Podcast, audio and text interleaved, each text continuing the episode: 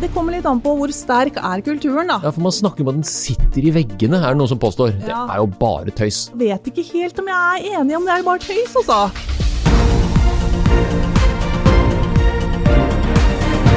Dette er All In med Oslo Business Forum. Dagens gjest har en spennende CV. Hun har teknologibakgrunn og har jobbet med IT og ledelse i mange år. Nå leder hun Photoware, som nylig vant prisen som beste arbeidsplass. The Great Place to Work for selskaper under 50 ansatte. Dessuten brenner hun for mangfold og det å øke kvinneandelen i IT-bransjen. Anne Gretland var med på å starte Oda-jentene tilbake i 2006. Et nettverk for kvinner i IT, som i dag teller mer enn 10 000 medlemmer. Og i dag skal vi ha en samtale om kultur på jobben, og ledelse. Hvordan skape en vinnende bedriftskultur? Og det jeg lurer på i dette møtet er 1. Hvordan skaper vi denne kulturen der alle ansatte er engasjert og proaktive? 2. Photoware har altså 49 ansatte fra 14 forskjellige nasjonaliteter, 43% kvinner og 20% som er under 30 år. Altså diversitet i praksis. Så hvordan påvirker dette kulturen, men også resultatene i Photoware? Og 3. Hvor viktig er det at ledelsen motiverer de ansatte til å skape en vinnerkultur?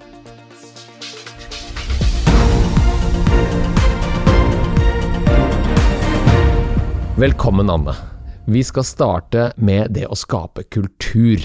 Du brenner jo for å få med deg folka dine. Og da er jeg jo liksom litt nysgjerrig. Hva er det det første som slår deg når du hører bedriftskultur? Jeg tenker at eh, det er eh, veldig mange forskjellige ting som skaper en bedriftskultur. Og kultur, det består av ikke Kultur er så mangt. Og når man snakker om kultur, så sier man kultur. Men hva er kultur?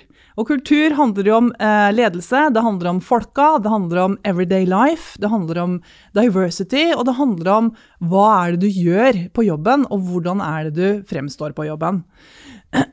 Så eh, det å skape en, eh, en bedriftskultur eh, som er vinnende, eller hvor folk trives på jobb, da må du ha et sted hvor folk gleder seg til å komme på jobben. Og du må ha et sted hvor folk føler at det de gjør, er å gjøre en forskjell. Du går hjem fra jobben og tenker ja, i dag har jeg bidratt. Og det må være et sted hvor folk føler seg trygg. Og um, det å føle seg trygg handler jo om at du kan både si det du vil i et møte, uten at folk skal tenke åh, så dumt. Um, det handler også om at du kan være deg selv og ha andre meninger. Og det handler om at uh, det du gjør er så viktig at uh, du kan gå hjem og føle deg stolt. Det er det essensielle i en bedriftskultur, mener jeg. Ja, du ikke bare mener det, men hvordan har du liksom kommet til denne innsikten? Ja, det er jo en lang erfaring, og sett hva som har fungert og hva som ikke har fungert. Og Det er klart at det handler jo ikke bare om en bedriftskultur, men det kan jo handle om en teamkultur. Fordi du kan ha en bedrift som har eh, dårlig kultur, og så har du et team innenfor den bedriften som har bygget sin egen kultur. Eller du kan ha motsatt. Du kan i utgangspunktet ha en bedrift som har en god kultur, og så har du ukultur i, i diverse avdelinger eller, eh, eller delorganisasjoner. Da. Så det handler jo veldig mye om de menneskene som er der. Eh, og så handler det selvfølgelig om lederne. Både team og bedriftsleder, rett og slett. Skal vi komme tilbake til det med lederens rolle, men jeg, får, jeg bare fikk en innskytelse nå, jeg vet ikke hvor den kom fra, men sosialantropologen Thomas Hylland Eriksen beskriver ja. kultur med et veldig fint uh, bilde, hvor at så fort det kommer en ny inn, så må kulturen reetableres, eller man må starte på nytt igjen, mer eller mindre. Ja. Har du noen tanker rundt det? Ja, ja, Det kommer litt an på hvor sterk er kulturen, da. Ja, for Man snakker om at den sitter i veggene, er det noen som påstår. Ja. Det er jo bare tøys. Det er jo Vet ikke helt om jeg er enig om det er bare tøys, altså. Jeg kan ta et sånt uh, konkret eksempel. For da jeg startet i Fotovær, mm. eh, så vil jeg jo si at jeg ble møtt med en voldsom inkludering. Mennesker som ikke var redd for endring. Altså jeg var jo også ny, og de visste at jeg skulle inn der og gjøre noen endringer. Og en positivitet som handlet om ok, la oss se dette her. Ja, det blir, det blir mye endring, men dette, dette, skal vi finne ut av. Og da satt jo det litt i veggene der uansett. Og det vi tok videre da, var å si ok, hva er det som beskriver Hva er det egentlig det er, det som sitter i veggene? Og så, så vi, tok vi en hel dag hvor vi beskrev hva er det som er oss. Nå snakker du om en forventning, og den kan jo være positiv ladet, og den kan også være motsatt. Det kunne jo kommet en Anne Gretland inn der som var eh, en heks, Det sant. og skulle bare sørge for at man eh, maksimerte potensialet for en exit for eierne. Ja. Det skjer jo også. Ja. Ja, for du var jo hentet inn med en eller annen oppgave, vil jeg tro. Ja, jeg ble hentet inn med en oppgave med å ta oss til det neste nivået. Ja. Eh, Så det, det er klart at det, det er jo en forskjell på hva er det, hva er det man ønsker av, av en leder, og, og hva, er det, hva er det man ser, hva er det man tror. Og det er jo litt det der eh, som er beskrevet også i denne Fischer-boken, som jeg hele tiden driver og snakker om. ja, jeg har hørt om den fisken. Eh, Ja, og, og da var det jo nettopp en leder som kom inn, og da var jo personalet veldig motsatt av dette. Og da handler det jo litt om å forklare hva er det som skal skje, hvorfor skal det skje, og få med seg alle. For alle, så lenge man er i selskapet, så må man jo være med på reisen. Eh, Og det er kanskje litt forskjellen også, hvis man eh, blir eh, tredd nedover noe som man ikke har kontroll over selv.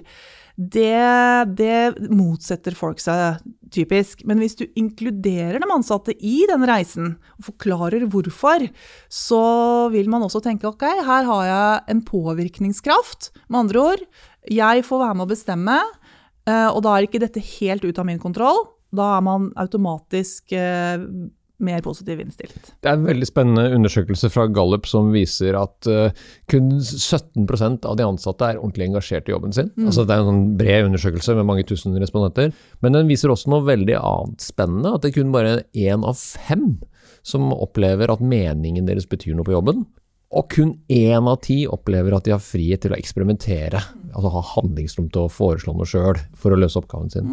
Er, det, er det et bilde du kjenner igjen i arbeidslivet? Høres det riktig ut? Eh, ja, jeg, jeg tror det. Jeg tror, jeg tror at eh, det er mange som føler at de ikke kan ha påvirkning. Og det er kanskje fordi det ikke er lagt, lagt til rette for det. Og så tror jeg dette her med å være engasjert, det tror jeg går litt i bølger. Fordi at noen ganger så er du engasjert, og så noen ganger så er- flater du litt ut, og andre ganger så tenker du åh, nei, nå, Uh, nå, nå syns jeg det er uh, kjedelig, eller nå er jeg litt ute av det. Så det tror jeg går litt i bølger uansett. Men, uh, men det, å, det å gi folk muligheten til å gi sin stemme, det er viktig. Og det å engasjere. Så det vi har gjort, det er jo å ha kickoff rett to ganger i året. Hvor alle er invitert, og hvor vi eh, lar alle få lov å si vi skal gjøre dette nå fremover, eller vi skal gjøre dette i år. Hva har du tenkt å bidra med, eller hva syns du om det, eller hvordan skal vi gjøre det? Det er sånn på overordnet nivå. Og så er det selvfølgelig, som du sier, dette her med at folk kan få lov å være med å påvirke og komme med forslag, må man jo ha. Man må ha det rommet, og man må ha den muligheten. Dette er spennende. For det er jo ikke nødvendigvis alle som tenker at nå, er jeg, nå kommer det en ny sjef inn, nå ble jeg mye mer motivert, gitt. Nå, jeg kan nok ha tendenser til å være litt sånn obsternasig og vanskelig og tenke at eh, sånn, sånn bruker jeg å like det. Så kommer du inn med noen sånne friske ideer, så tenker jeg bare nei, det passer ikke for meg. Hva gjør du da? Ja, men Det er jo perfekt, for det er jo en del av det, diversity, det diversity du vil ha. Fordi da blir jo jeg også utfordret for at det selvfølgelig eh, Det er jo ikke sånn at eh, man nødvendigvis har tenkt på alt. Og det er mange ganger en eh, som deg kan, kan sitte litt og si ja, men nei, dette syns jeg ikke høres ut som en god idé, men da må du forklare hvorfor. Og så har du kanskje et poeng inni der. Det er kanskje sånn at ikke jeg har tenkt på noe. Og så sier jeg ja, men hva hvis du kan være med i prosjektgruppa her, da? Du kan få ansvaret for dette, for dette brenner du for. Så tenker du hm, ja, jeg brenner i grunnen litt for det. Hm, nå kan jeg være med. Ja, på mine premisser. Ja, og det er jo lederens uh, egentlig ansvar å styre hva som er innafor det man skal gjøre, og det som kanskje er på utsiden. Har du, har du ledet folk ut av virksomheten? Altså at det, du, dette passer ikke for deg, Tor. Ja. Finn på noe annet. Ja. Ja. Og det som har skjedd da, er at uh, da har, uh, når jeg har møtt dem i etterkant, har de jo takket meg. Fordi det handler jo om at eh, du må jo gjøre det du har passion for, og hvis ikke du har passion for det, hvorfor skal du tvinges til det da? Da er det bedre at man er et annet sted og har den passion der. Så det er jo en oppgave også. Og for man vil jo finne ut til syvende og sist hvor er det mennesker kan eh, trives aller best. Og trives du ikke her hos oss, da er det ikke noe vits i at vi eh, presser hverandre til det. Eh, Neste delspørsmål var jo dette med resultater. Altså det er en ting, vi er jo alle enige om at hvis vi trives på jobben og går derfra med, med et bedre sinnelag enn når vi kom, er superbra. Både for medmenneskene og for selskapet. Men, men resultatmålingen av en bedre kultur, har du noe, har du noe der? Ja, altså vi, vi, kan jo bare ta våre egne resultater, som jo har eh, vært positive. Altså vi må, jo, vi må jo måle det som vi er opptatt av, dvs. Si å få nye kunder og kanskje vokse den kundebasen vi har, eh, og ha bedre, en bedre bunnlinje. Eh, og så skal man jo være veldig forsiktig med å tilskrive det det ene eller det andre, eller diversity, for det er selvfølgelig veldig mange elementer som, som påvirker. Men det er klart at uh, du kan ikke bare si at vi skal komme på jobben og, og, og være engasjert og motivert. Uh, fordi at du kan være veldig engasjert, men du gjør feil ting. Mm. Så du må jo selvfølgelig styre det opp med hva er, vi, hva er det som er hovedmålet vårt. Og hva er det delmålet, og hva er det jeg skal gjøre? Jeg pleier å si det at um, som leder så må du Du kan ta alle dine ansatte med ut i skogen og si nå skal vi til hytta. Og eventually så kommer jo alle dit en eller annen gang. Men hvis du sier vi skal til hytta, den ligger så i lende, nå går vi dit alle sammen dere. Da kommer jo man dit i takt, og man kommer dit samtidig og man kommer litt raskere. Og det er jo litt det som er viktig i forhold til at den ansatte også skal se hvor er det jeg passer inn her, og hvor er det mitt contribution? Jeg må gjøre dette for at min avdeling skal nå dette, og så til sammen så når vi bedriftens mål. Og det er litt sånn viktig, eh, sånn at ikke det bare blir stort, en stor suppe. Men man må faktisk trekke det ned på den ansattes bidrag. Og så er det selvfølgelig sånn at uh, du, må, du, må, kombinere den passion den ha, du har, motivasjon, og kunnskap, og det å gjøre det som faktisk vi er her for å gjøre. Når jeg nå i etterkant sitter og reflekterer over Annes gode definisjoner og tanker rundt motivasjon, så får jo tankene tilbake til samtalen med Sverre Tyrhaug og hans høypresterende team i episode åtte, men også samtalen jeg har med kollega Sigurd Granmark, som jo ga oss ti tips i episode syv om det med å sette krav om mål, og det å være en rollemodell, og det å sette ting i perspektiv. For vi strever jo med disse tingene alle sammen, dette med motivasjon. Jeg jobber jo sammen med Sigurd, og noen ganger så kommer jeg trekkende med sånne definisjoner fra Store norske leksikon og andre ting, for jeg er jo en, er jo en uh, teoretiker og en uh, tørrpinne. Og dette med motivasjonsteori og det å sette det ut i praksis er jo to forskjellige ting. Og Sigurd og Sverre er jo praktikere, og det er jammen meg Anne også. Så den derre praksistilnærmingen til inspirasjon og motivasjon, det kjenner jeg at gjør meg veldig glad. Og det håper jeg gjør deg også, vi som er født da på toppen av Maslows behovspyramide. Så fikk jeg jo sagt det også. For Fotovar-caset hadde jo vært her i 18-20 år eller noe sånt, tror jeg. Mm, 25 år har vi nå. Ja, ikke sant? Mm. Og du har fått være med nå på å prøve å få fart i denne butikken, som jeg har forstått at dere gjør, mm. på flere nivåer. Ja. Har, det, har, det vært, har det vært ting som har vært vanskeligere enn du hadde sett for deg? Ja, du, det vanskelige er jo faktisk nå i dagens marked, det er jo å finne folk. Uh, så det, det, er veldig, det, er veldig, interessant, egentlig, fordi det er mangel på mennesker der ute. Mangel på teknologimennesker, det er mangel på andre typer mennesker. Og jeg tror det som er veldig lett uh, å gjøre da, er jo å tenke at ok, vi får bare fylle disse ledige rollene. Det er veldig tøft uh, å måtte holde tilbake og si nei, dette er ikke bra nok, det vi har fått her. Vi er nødt til å, nødt til å lete lenger. Fordi har, da må man avveie ikke sant? det å fylle et gap, men det, vi, er, vi, må finne de folka som vi vil ha. Ikke bare kunnskapsmessig, men, men, faktisk som har en del av de verdiene vi har. Da. Mm. Jeg vet at de Gründerne i Gelato Group har jo snakket om at det har vært relativt enkelt å rekruttere internasjonalt kompetent arbeidskraft til Norge. Er det også din erfaring? Det er et større pool, da. Eh, men samtidig så begynner det å bli mangel på det òg, ser vi. Eh, så det jeg kunne ønsket meg, var jo at noen av disse store internasjonale aktørene i Norge, da, store selskaper og store konsulentselskaper, kunne kanskje tatt et initiativ hvor man prøvde å få flinke tech-mennesker til Norge. Og så kanskje tok de to første åra fordi man har kapasitet og man har manpower til å gjøre noe med det. Eh, og så kunne vi andre Hadde vi hatt et større marked å velge frem, da. Ja. Men vi liker jo kanskje å tro at Norge er så attraktivt land å komme og bo i, og livskvalitet og alt sammen. Og du jobber eller dere jobber jo i et internasjonalt konkurransemarked. Mm. Så, så, de menneskene du leter etter, de kan velge andre ting. De kan dra til Silicon Valley eller dra til andre kule steder å jobbe? Er det det, som, er det du beskriver? Ja, li, ja, litt så er det det. De, har, de, flinke menneskene som kommer fra andre land, jo, søker seg jo kanskje til Vesten, eller de søker seg til Europa, og så er Norge en av flere.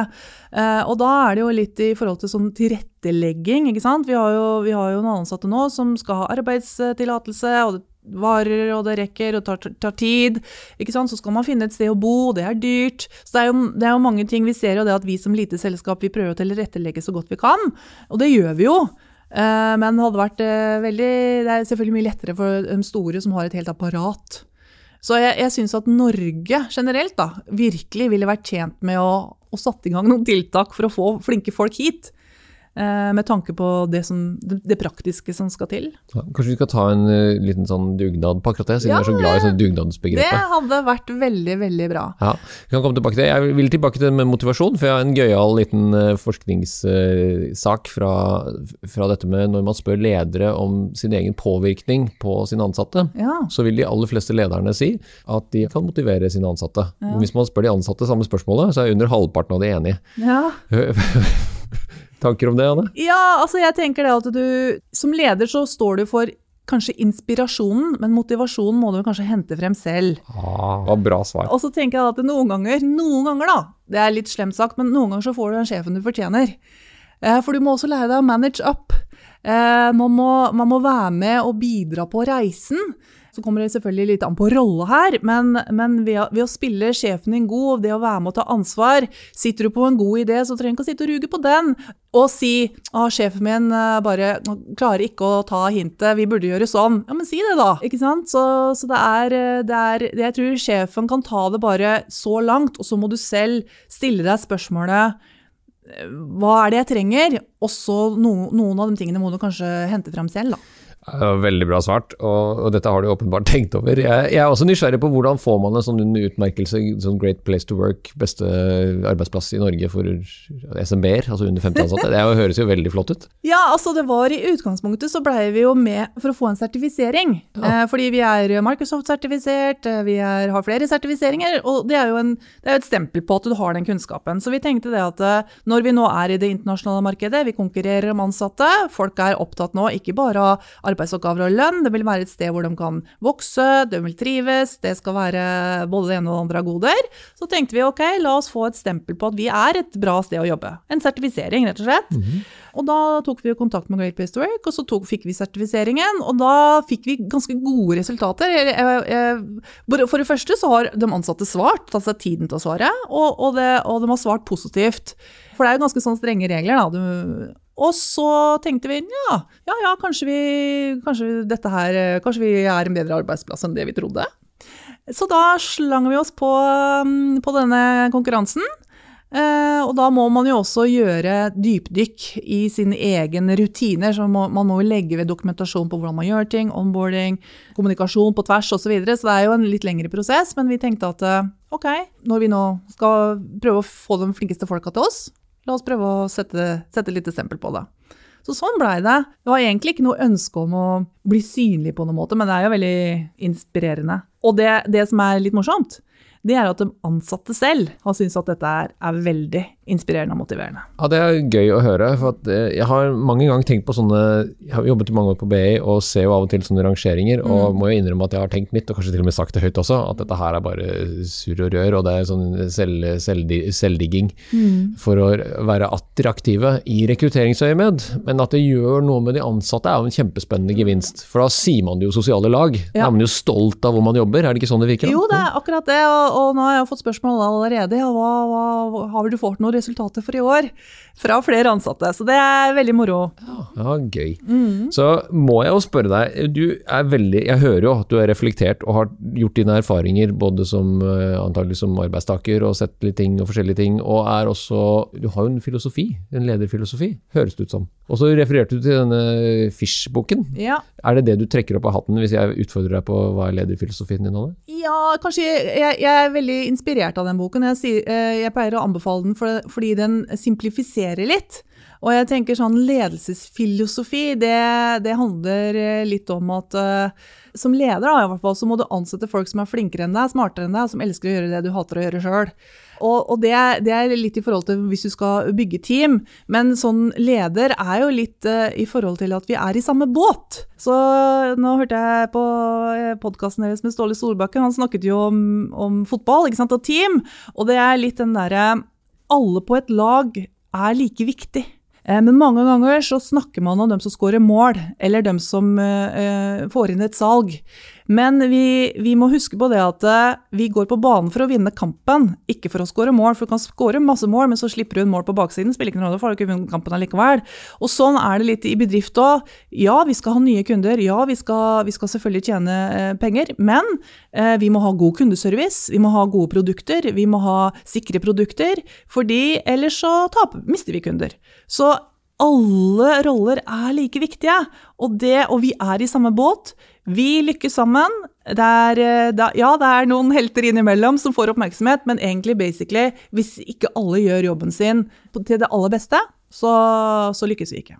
Så Det er en slags kombinasjon av likhets, uh, likeverd, men også et slags resultatfokus. For man skal jo også produsere sammen, vil jeg tro. Mm. I konkurranse med andre flinke folk. Mm. Er det noen andre filosofiske betraktninger du har med deg? Noen sånn rollemodell, eller en du ønsker å være, eller en du ønsker å bli? Er det ofte snakk om?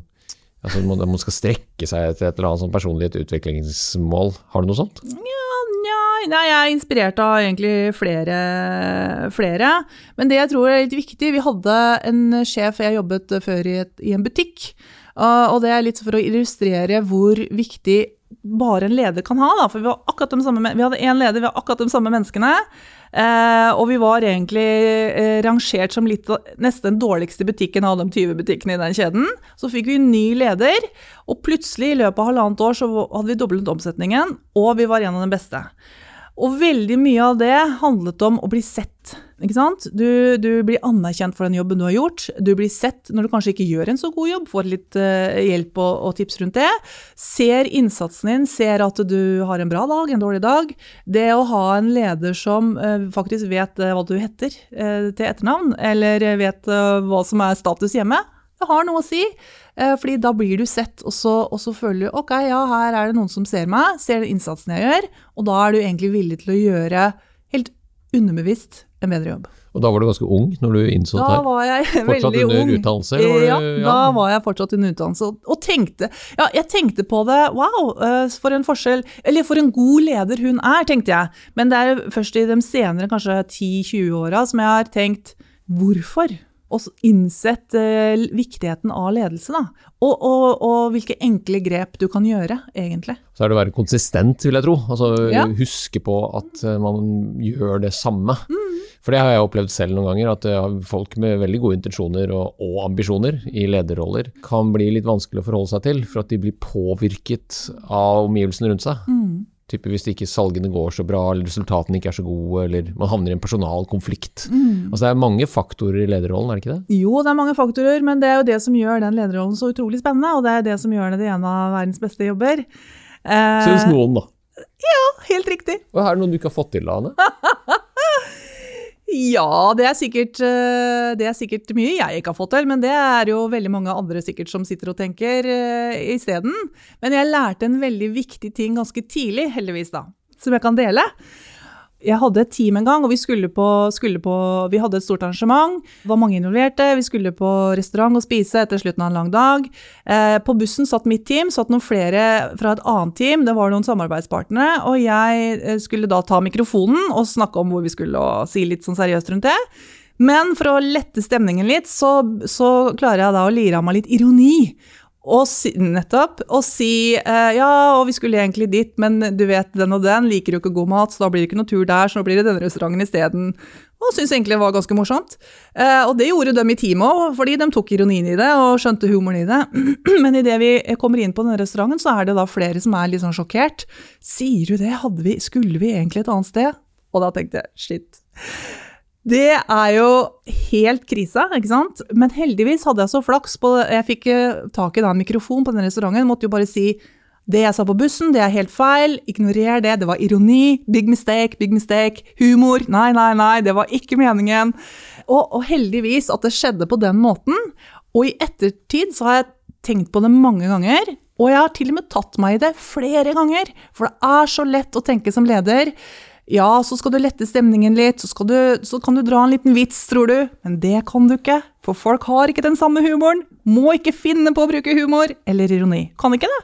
Og spesielt hvis man kanskje har en internasjonal bedrift, mange forskjellige kulturer. Jeg syns ikke det er noe morsomt i det hele tatt.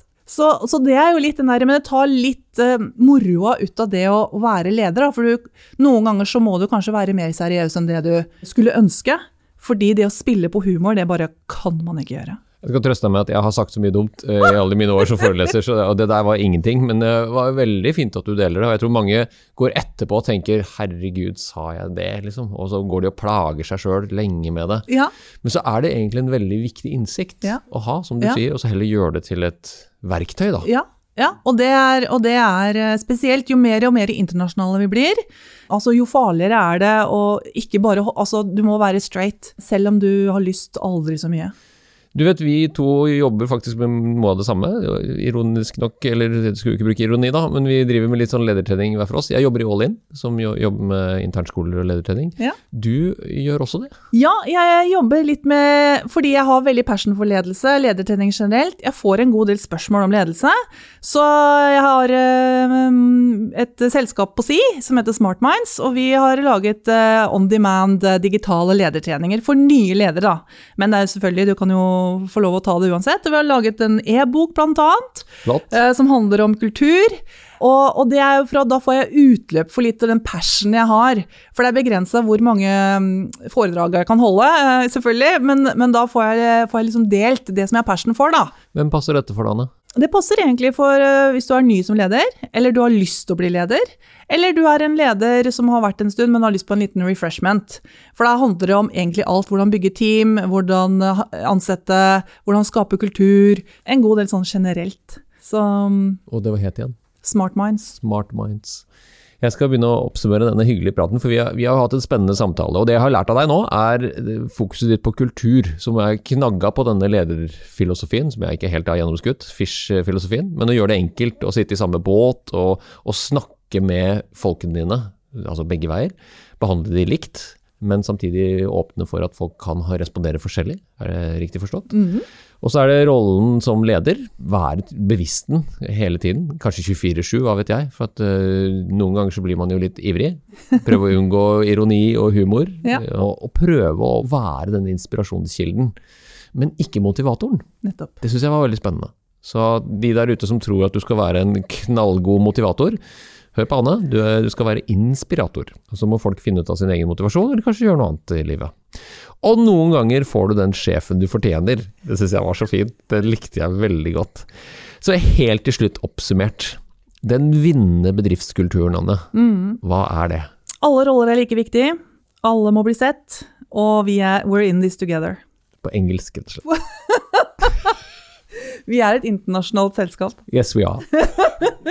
Tusen takk for en veldig spennende samtale. Anne. Tusen takk skal du ha. Hvis du likte denne podkasten, hadde vi satt utrolig stor pris på om du abonnerte og gir oss en tilbakemelding i avspilleren. Spre gjerne ordet videre til andre ledere som er lidenskapelig opptatt av ledelse, strategi og innovasjon. Mitt navn er Tor Haugnes. Sammen er vi all in med Oslo Business Forum.